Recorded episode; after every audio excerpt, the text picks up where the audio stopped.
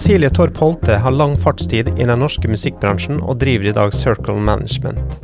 Der har hun ansvar for noen av Norges største artister, og i dagens episode av The Music Manager får du et innblikk i hvordan Chris Holsten jobbet seg opp i Eliteserien i Norge, og spekulasjoner rundt utenlandslansering. I tillegg deler Cecilie eksklusive breaking news om Julie Bergans labelsituasjon, samt historien bak hennes samarbeid med David Getta. Denne episoden er sponset av NLA Staffels gate, Norges ledende rytmiske musikkutdannelse som tilbyr bachelor, master og årsstudier i rytmisk musikk midt i Oslo. Les mer på nla.no slash musikk. Mitt navn er Vega Vaske, og denne podkasten blir til i samarbeid med Music Norway. Hei, Cecilie. Hei, Vegard. Du, eh, la oss begynne med hvilke artister og produsenter jobber du med for tida? Eh, nå jobber jeg med Chris Holsten, Julie Bergan, Marion Ravn, Margaret Berger, Kristel Alsos, og så produsentduoen ASV, som er Anne Kjær og Sivert Hagtvedt. Mm. Du har en veldig variert roster, og både produsenter og artister. og Noen av artistene synger på norsk og har jo dermed primært markedet, mm, markedet sitt i Norge, eh, som f.eks. Chris Holsten. Jeg syns det er veldig imponerende den jobben dere har gjort med Chris. Og er litt sånn primæreksempelet for belønninga man får for liksom eh, bygge stein på stein. da. Hva tenker du har bidratt til at dere kommet dit dere er i dag med Chris? Eh, nei, det er jo litt det du nevner her som handler om å bygge stein for stein. Nå har vi tiårsjubileum, som vi kaller det, i år. Mm. Så vi har jobba sammen i ti år. Han var jo ekstremt fersk når jeg signa han. Mm. Um, og så har vi jo hatt en plan, liksom, det har jo vært noen målsetninger fremover i tid som selvfølgelig heller ikke har kanskje gått etter tidsplanen, som har justert seg opp. Og så har man kanskje til slutt henta seg inn og havna før skjemaet litt nå, da. Um, men det er jo det at vi har hatt en langsiktig plan, at dette her er noe han vil drive med på fulltid, og at det har vært målet hele veien. Um, og, og, således også da uh, hatt uh, delmålsetninger om, og, og, også et langtidsperspektiv da, på, på, hvor det skulle havne hen. Mm. Mm. Men både han og du og labelet har jo jobba godt og langsiktig med det, mm. alle sammen? Ja, altså nå starta vi helt sjøl med en distro-deal, for det var vel ikke noen som hoppa rett på i begynnelsen. Mm. Uh, og bakgrunnen min er jo fra Major Label og, mm. og A&R-ing, så det var vel litt det jeg, jeg gjorde sjøl til å begynne med med han. Mm. Um, uh, og så ha, var det jo også for han også å utvikle seg som låtskriver, for det var som sagt veldig, veldig ferskt til å mm. begynne med. Um, så han Vi brukte vel de første to årene, tror jeg, nesten på bare å jobbe under radaren og i studio. Um, før da vi gjorde en distro-deal med Sony Music, ga ut noen låter der, og så ble han signa på Warner. Mm. Uh, og så har vi jobbet veldig langsiktig med Warner etter det. Mm. Mm. Men uh, det har sikkert vært en fordel for det og han da, at du kjenner veldig godt hvordan uh, major labelene fungerer? Ja, det tror jeg nok. Og så var det vel også det at vi liksom kunne, kunne jobbe litt på bakgrunn av kontakter og nettverk fra før av, helt i starten. Mm. Eh, og kunne ta tiden til det. Og jeg hadde jo akkurat da gått ut av uh, det som uh, fremdeles heter, men da også var et management i Playroom, mm. uh, sammen med Freddy Carlsen, og skulle egentlig ikke drive med management i utgangspunktet. Skulle jobbe litt konsulent for Sony og gjøre litt andre ting til jeg fant ut hva jeg hadde lyst til å gjøre videre. og så havna jeg da fikk, Kom plutselig en annen artist, Marion, øh, og ville bytte og bli med. Og så sa jeg ja, det kan du vel? Mm. og så fant, kom jeg altså Det vil si at da hadde jeg vært borti Chris en gang før, og så tenkte jeg nei, ok, greit, nå prøver vi på det. Mm. Uh, men, men, hadde tid og rom og gjorde andre ting ved siden av, da. Mm. mm. Men er det, er det altså, kjenner jo at mange labeler jo, er jo ofte litt sånn utålmodige. At det går ikke ting rett oppover. Eh, tidlig så er det mm. lett at man på en måte blir droppa. Hvordan mm. manøvrerer seg man seg når man skal tenke langsiktig eh, for å jobbe med labelene på å få dem til å holde ut? Oi, det var et vanskelig spørsmål. For det er så avhengig av artist og prosjekt, egentlig, kanskje. Um, men for Kristin del så var det litt sånn Vi hadde litt flaks med første låta. Det var den han signa til Warner på. Eller var vel egentlig hans tredje singel eller et eller annet sånt. Men, men den som gjorde at han ble signa på Warner, og det var et samarbeid med, med Rat City. Um, og, og, den streama vel liksom Jeg tror det er 9-10 millioner eller noe sånt ganske kjapt, ja. Mm. Så vi hadde sånn veldig sånn pangstart, og så er det jo mer den derre på en måte etterpå. Mm. Eh, når du kommer så godt i gang på første samarbeidet sammen, er jo liksom Det kan går jo ikke så bra hele tiden. Nei. Så det har jo vært noen uh, ups and downs her Mm. underveis. Og, og det som er viktig, er jo å lytte til artistene og hva de har lyst til å gjøre på, på, på lang sikt, og hvor den musikalske gleden ligger. Mm. Eh, og så må man på en måte, så er det noen kompromisser underveis, og det er mange som skal mene noe, det er markedsføring som styrer mye og sånn, men, men eh, det er vel det at han har fått lov til å, til å gjøre det han har lyst til, og utvikle seg underveis Mm. i prosessen. Mm. Men Han sang jo på engelsk før, og Ja. så bytta han til norsk. Hvorfor Mm. det? Jeg tror ikke det er noe sånn Det er ikke noe sånn bevisst eh, valg eller svar på det, men det var nok litt tilfeldig. Altså, nå var jo Chris med på hver gang vi møttes, Mm. og der var det jo en del artister som tolket låter på Eller som, hvor du skulle tolke låtene til, som, som synger og skriver på norske utgangspunktet. Og den var oversatt han faktisk til engelsk. Mm. Men gjorde noen på norsk, og da er det jo den klisjeen som veldig mange opplever når de, når de synger på morsmålet, er jo at vokalen og liksom stemmen låter mer naturlig på en eller annen måte. Eh, enkelte artister har jo det i form av at det er morsmålet. Mm. Eh, og også formidlingsevnen faller kanskje litt mer eh, naturlig, da. Mm.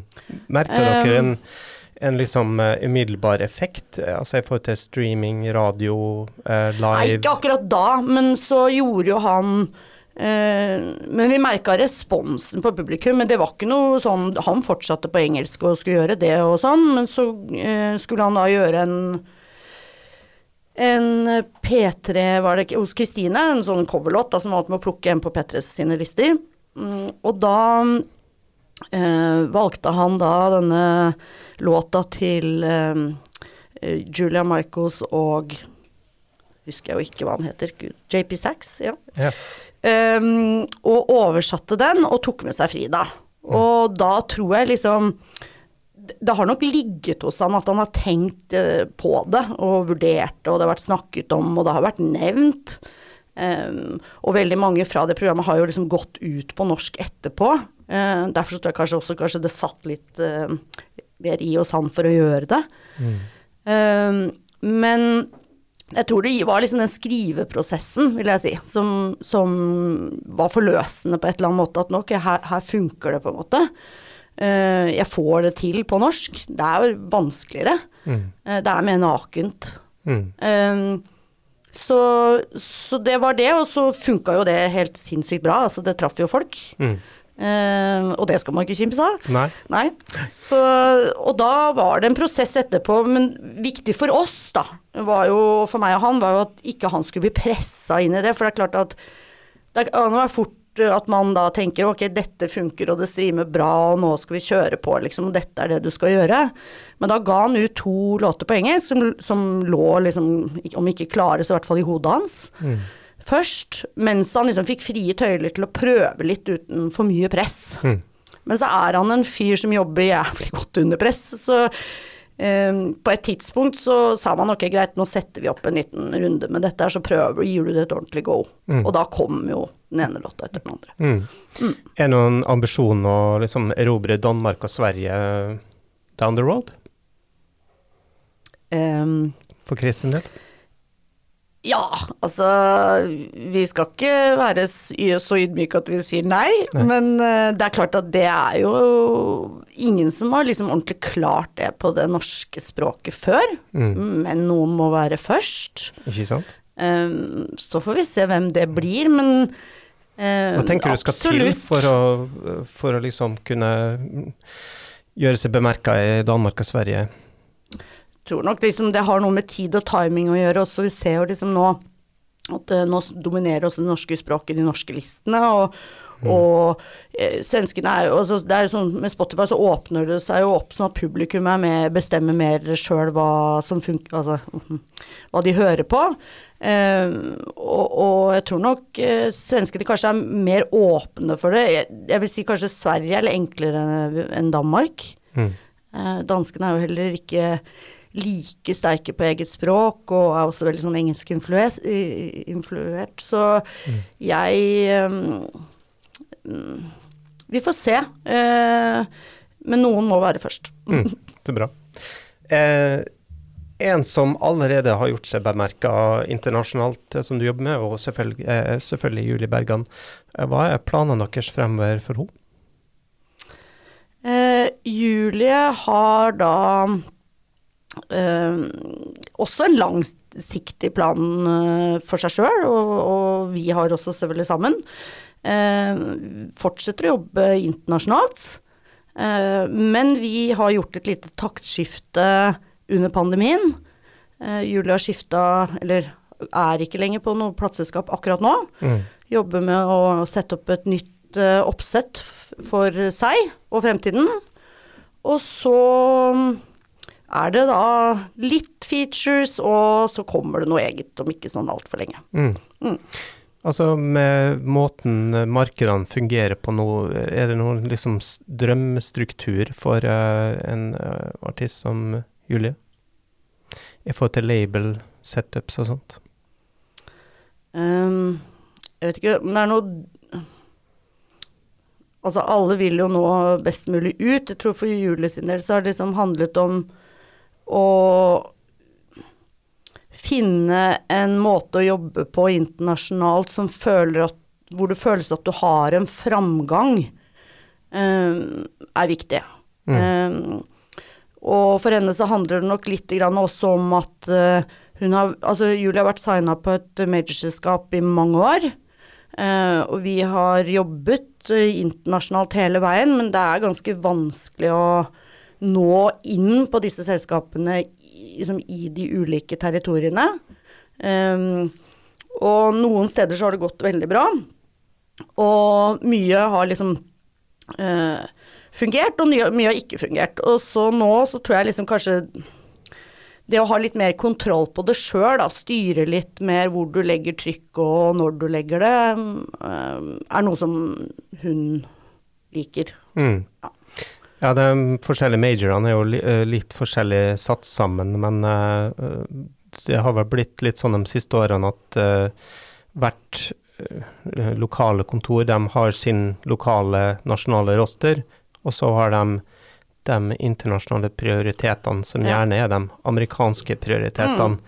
Og der er det gjerne også vanskelig hvis du signer på amerikansk major, da, at de majorene har jo ikke kapasitet til å prioritere kanskje mer enn tre artister i uka.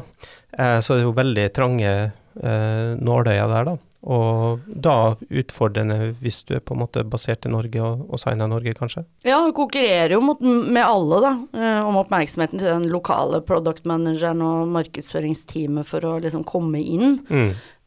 Eh, Kontra det å være signa, eller gå gjennom lokalkontoret hvor det er mer en artistisk inngang, da. Mm. Um, så det er klart at det er eh, kanskje den måten vi ønsker å ha det på. Og så tror jeg, som for vår del, så tror jeg handler det også om med henne å bygge et team som kanskje er litt uavhengig av uh, label-situasjonen.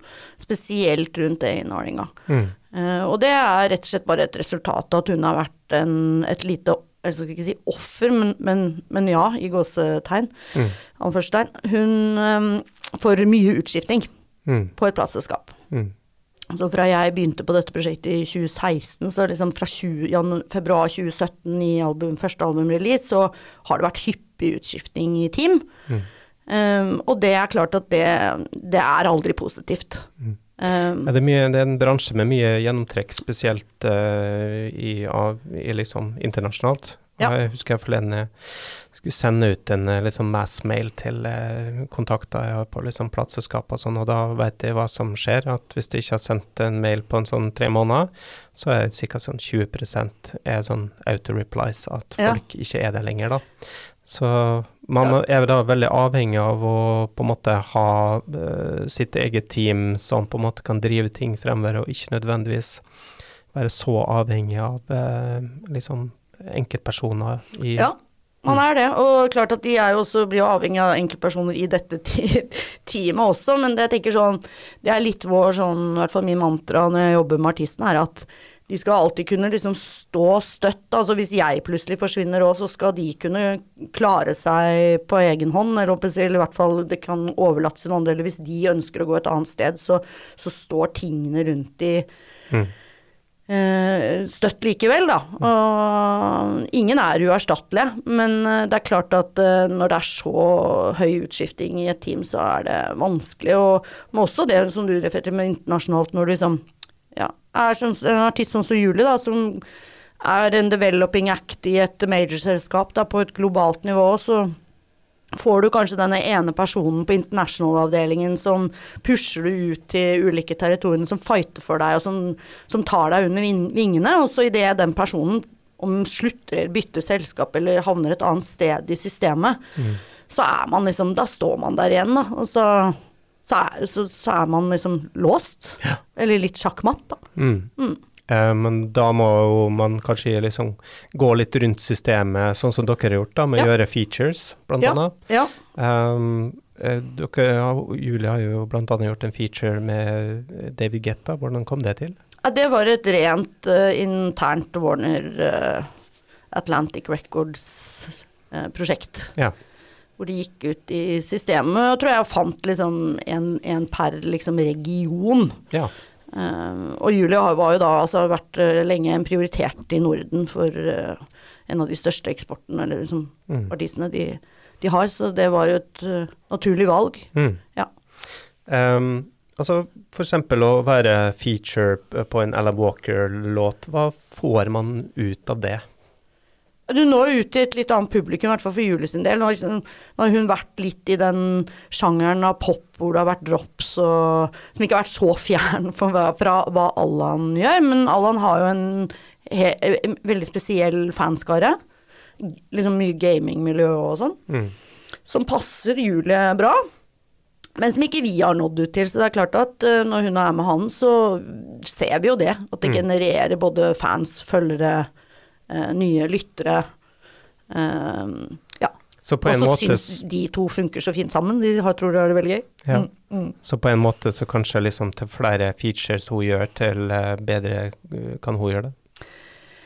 Eh, ja, og så er jo bli- er veldig bevisst på hva hun gjør, da. Altså, for det første så må hun like låta. Mm. Det er liksom pri nummer én. Det kan være hvem som helst som spør. Hvis hun ikke liker låta, så spiller ikke det noen rolle.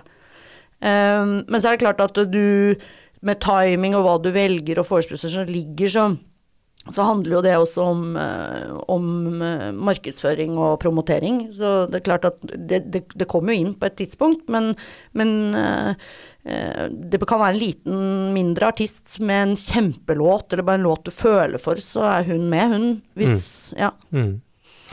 Ja, Julie er jo en del av det jeg kaller sånn 2016-generasjonen som Astrid S og Sigrid, og så kanskje nøt veldig godt av eh, den tidsfasen der Spotify eksploderte. Um, fra ditt synspunkt, eh, hvordan fungerer streamingmarkedet i dag for noen som Julie? Nå har ikke vi Og hatt det er noe lettere i 2016 enn det er nå? Ja, var nok det i form av New Music Friday i, i seg selv, men hvor mye det i utgangspunktet har å si nå, litt vanskelig å svare på, syns jeg. Mm. Um, nå er det jo liksom kanskje mer eh, hitslistene som dominerer sånn, men er som du sier, altså det er blitt veldig mye mer lokalt sentrert på hver liste. Mm. Uh, men jeg, nå når, og det er en stund siden vi har sluppet noe uh, med henne, eller noen artister med den størrelsen ute. Mm. Eh, men når det har sist det skjedde, så, så var det likevel med på disse internasjonale listene. Mm. Men det var kanskje ikke like høyt oppe alle sammen. Det virker litt som om Spotify har, eh, for å hjelpe de lokale markedene, så har de eh, laga litt siloer i hvert marked, sånn at flere norske artister får muligheten til å, å slippe til i Norge, samtidig som det er blitt vanskeligere å komme seg over grensene. Mm. Eh, det, kan ha noe med språket å gjøre òg. altså vi ser jo sånn som her, hvor Mm. det er mer og mer på norsk på norsk. Mm. Eh, og det kan nok være tilfellet i andre land òg, da. Og da blir jo plassene færre, jo mer lokale artister som gjør det bra. Mm. Og så er det jo kanskje også et tegn på en inflasjon i kvalitetsmusikk i alle markeder også. Altså at, Ja. eh, det er rett og slett eh, blitt enklere å lage bra musikk, Mm. og, og da velger man gjerne det som er litt nær en, da. Mm. Men det gjør det utfordrende for oss som helst skal eksportere Ja. artistene våre. Mm. Så hvordan knekker man den koden da? Eh, nei, det er det, det er jo vanskelig å svare på, det. Skulle gjerne visst det. Hvis du, vet du det? Nei, jeg gjør ikke det. Jeg spør det. ja. Eh, nei, jeg tenker at eh, eh, vi går nok eh, litt mer lokalt det å gå litt mer lokalt til verks hvert sted kan være, kan være en smart strategi, så lenge du ikke er av de aller, aller største artistene. Mm. Nei, men altså, eh, jeg har en liten historie her. Kona mi hun satt på en restaurant her i fjor eh, Ja. og eh, i Oslo, og så begynte det å høljeregne utafor. Alle sprang inn i, for å komme i ly, mens så så eh, Julie og en venninne eller en venn ute i gata og drev på og sprang rundt og tok bilder, og, og sikkert liksom til liksom Julie sine socials, da. Mm. Og jeg tenkte bare wow, hun der brenner, ass. Hun, uh, hun, hun, liksom, hun har det. Um, Eh, samtidig så var det en Jeg snakka med en amerikansk A&R her forleden, og han sa noe sånn om at liksom Jeg spurte om han kunne signe en Ville signe liksom nye norske artister, da. Og sa han at eh, sånn Norwegians are just too entitled and spoiled to do well in today's music business. Og jeg ser jo den på en måte, for at her i Norge så kan man jo liksom Hvis musikk musikerkarrieren eh, stagnerer, så kan man jo begynne å studere og bli lege eller noe sånt istedenfor. da. Man kan ha en plan B, mens i USA så er det liksom, der er det do or die, liksom. Um, så, så hva gjør en norsk artist som er liksom sulten på en internasjonal karriere for å liksom klare seg i et sånt type klima? Ja, for det første så må du jo ha troa på det du gjør, og, og jeg tror liksom for de som har lykkes med det, så har de vel kanskje ikke hatt noe plan B. Dette her er plan A. Mm. Eh, og så må man være veldig tålmodig. Det tror jeg kanskje er den største utfordringen, er jo Og sånn i daglig virke også, er jo at liksom eh, Er å kanskje holde litt igjen på artistene til tider. Og, og, og prøve å liksom ha litt is i magen, eh, samtidig som om du liksom Du kan ikke være skuggredd heller. Så, så det er klart, det er jo også en balanse i seg sjøl. Eh, men du må ha et utrolig eh, en utrolig god arbeidsmoral. Mm. Ja. Og det er liksom eh, Du nevnte Vi snakka jo om Allan i stad. Mm. Men liksom for oss, da, og, og tror også for Julie, å se hvor hardt han jobber. Eh, ikke at hun ikke var klar over det på forhånd, men også liksom Det er døgnrytmer som er altså, og, og tidssoner, og det er eh, muligheter som dukker opp som du må hoppe på, og jeg, eh, jeg tror alle har liksom hvis du virkelig har lyst til å lykkes sånn, så skal du gå litt inn og se hvor mye som faktisk kreves, for det er tøft. Mm. Det er det.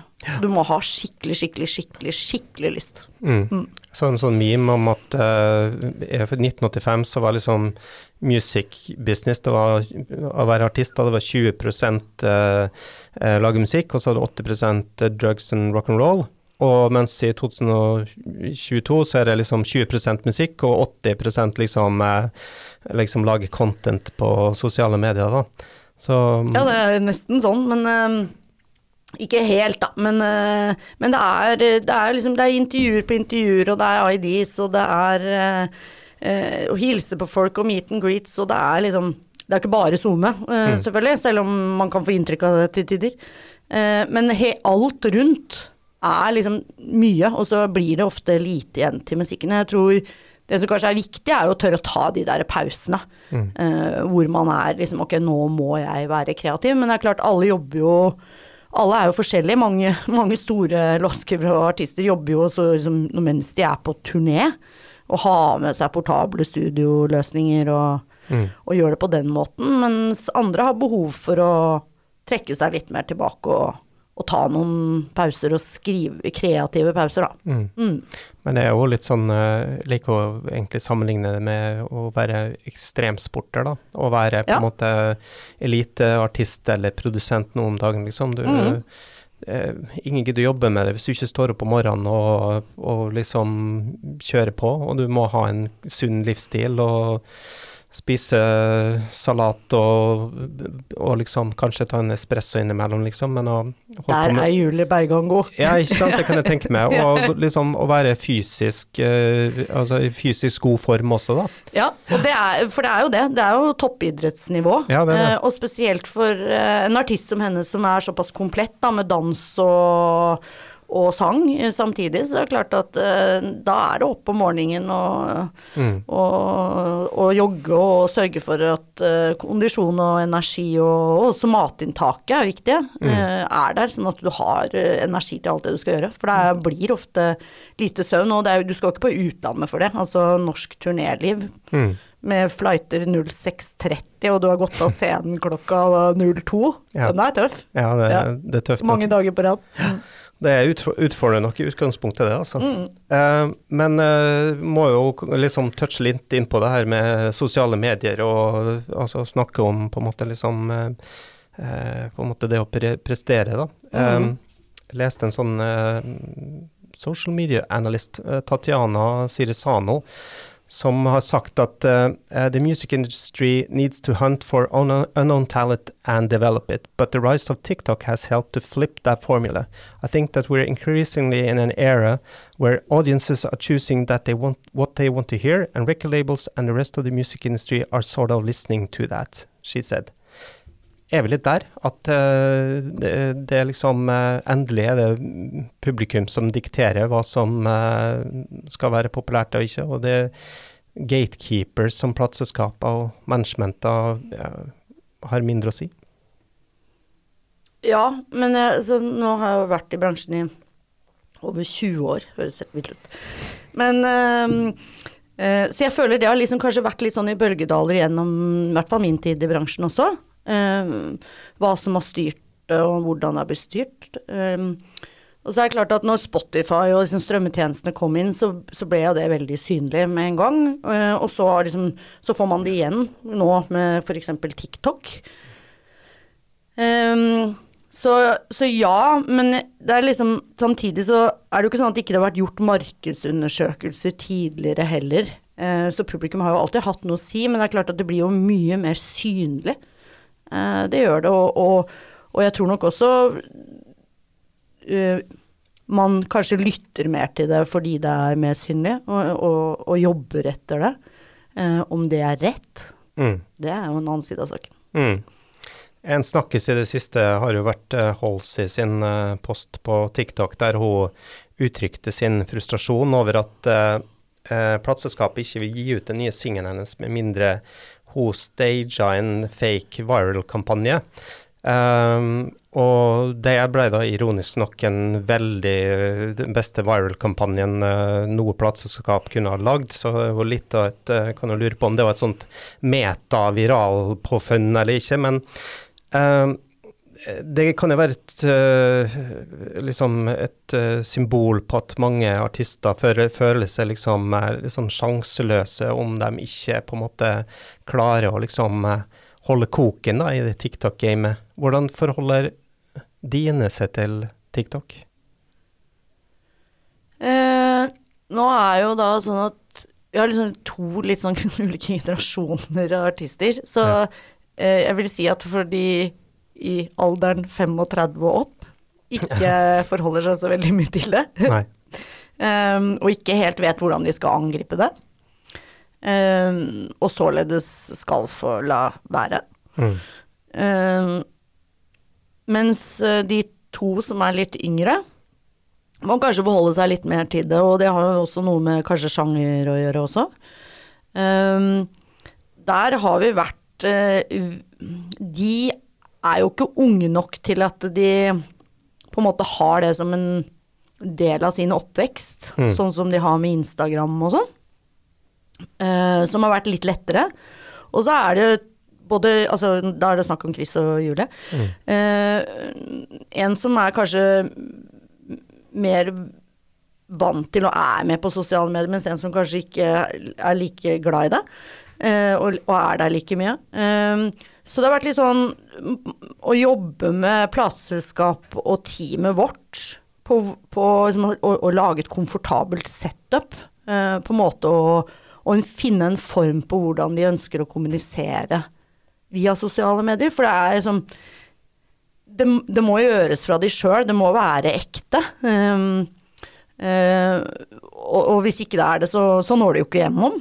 Mm. Um, men så er det jo sånn at på et eller annet tidspunkt så, så strekker jo ikke tiden til, så man må liksom la på å være liksom genuin, da, og gjøre det hele tiden in the moment, fordi tidsplanen er altså sånn er Det er ikke 48 timer i døgnet.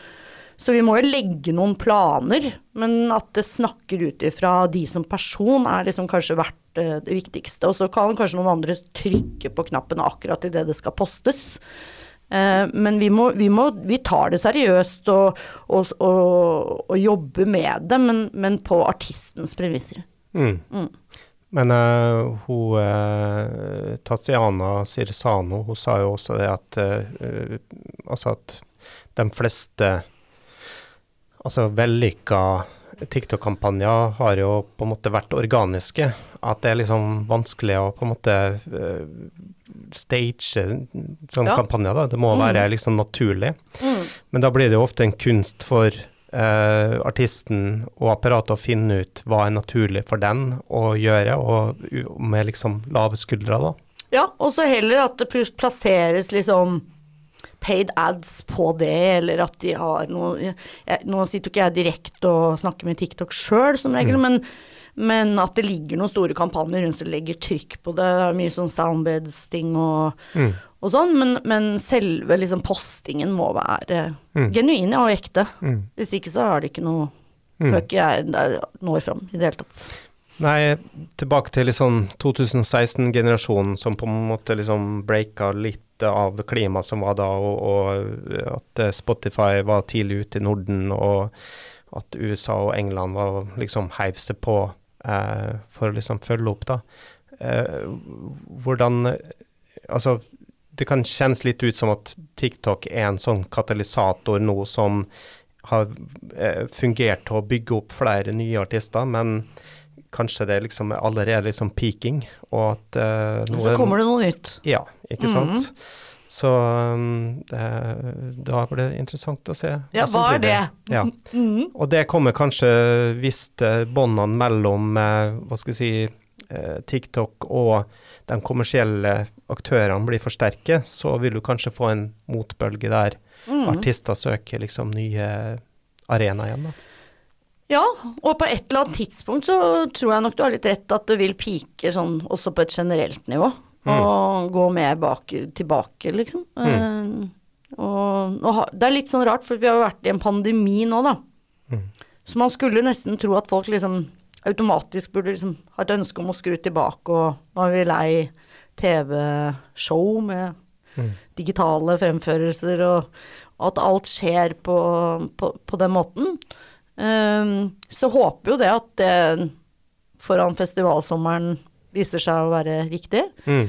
Uh, men vi er ikke helt der ennå, så mm. spennende å se. Mm. mm. Altså, hun Sirisano snakker jo også om uh, at det her sliter jo artistene ut også. Mm. At du får liksom creator burnout is real. Um, hvordan er det vi som managere kan hjelpe våre uh, klienter til å liksom tåle alt det her presset? Det er jo um, å lytte, da. Mm.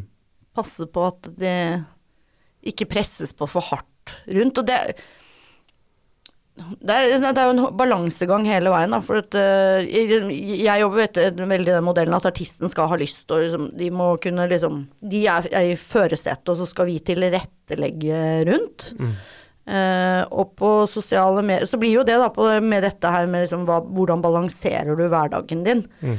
Uh, så er kanskje det det viktigste, i hvert fall liksom når man er oppe på et nivå som enkelte av våre er på, så, så er det jo det å liksom se når er det artisten er eh, Hva skal til for at artisten er best mulig kreativ, eh, og, og sørge for at de, at de rommene og pausene kommer.